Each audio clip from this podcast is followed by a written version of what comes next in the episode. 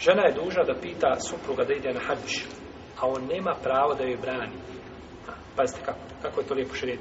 Ona će ga pitati i tražit će izun, a on nema pravo da joj brani, znači da odlazi na... Čekaj, pitanje, ako nije mahrema, nema pravo da brani. Ako nema pravo da brani. Ona ga pita, ko je rekao ako nema mahrema? Ona ga pita da ide na hađ, ide svojim babom, svojim bratom, svojim mamićom, jel u redu?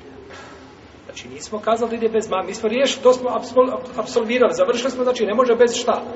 Bez mahrema. Sada ona će pitati svoga, znači, supruga da ide na hač I ona ima svoje pare. I njen babo ide na hač, a on nema para. I malo se razljubomorio. Pa kaže, ne možeš ići. Nema to pravo. Nema pravo, znači da joj zabrani.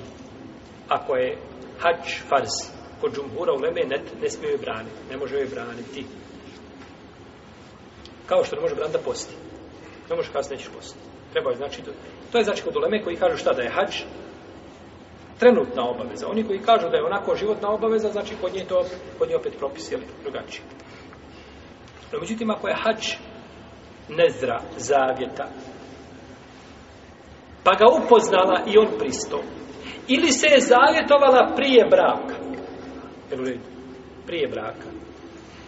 Pa on upoznat sa tim je pristao, nema pravo znači da joj brani. Nema pravo da joj brani. A ako je zavjetovala se znači samo tako, onda životna obaveza kada god ispuni dosta. A ako je hač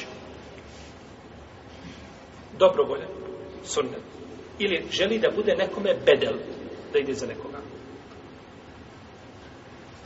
Znači onda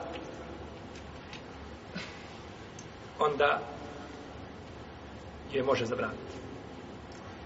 Može je zabraniti. U tom slučaju. To je njegovo, znači to bi bilo njegovo pravo.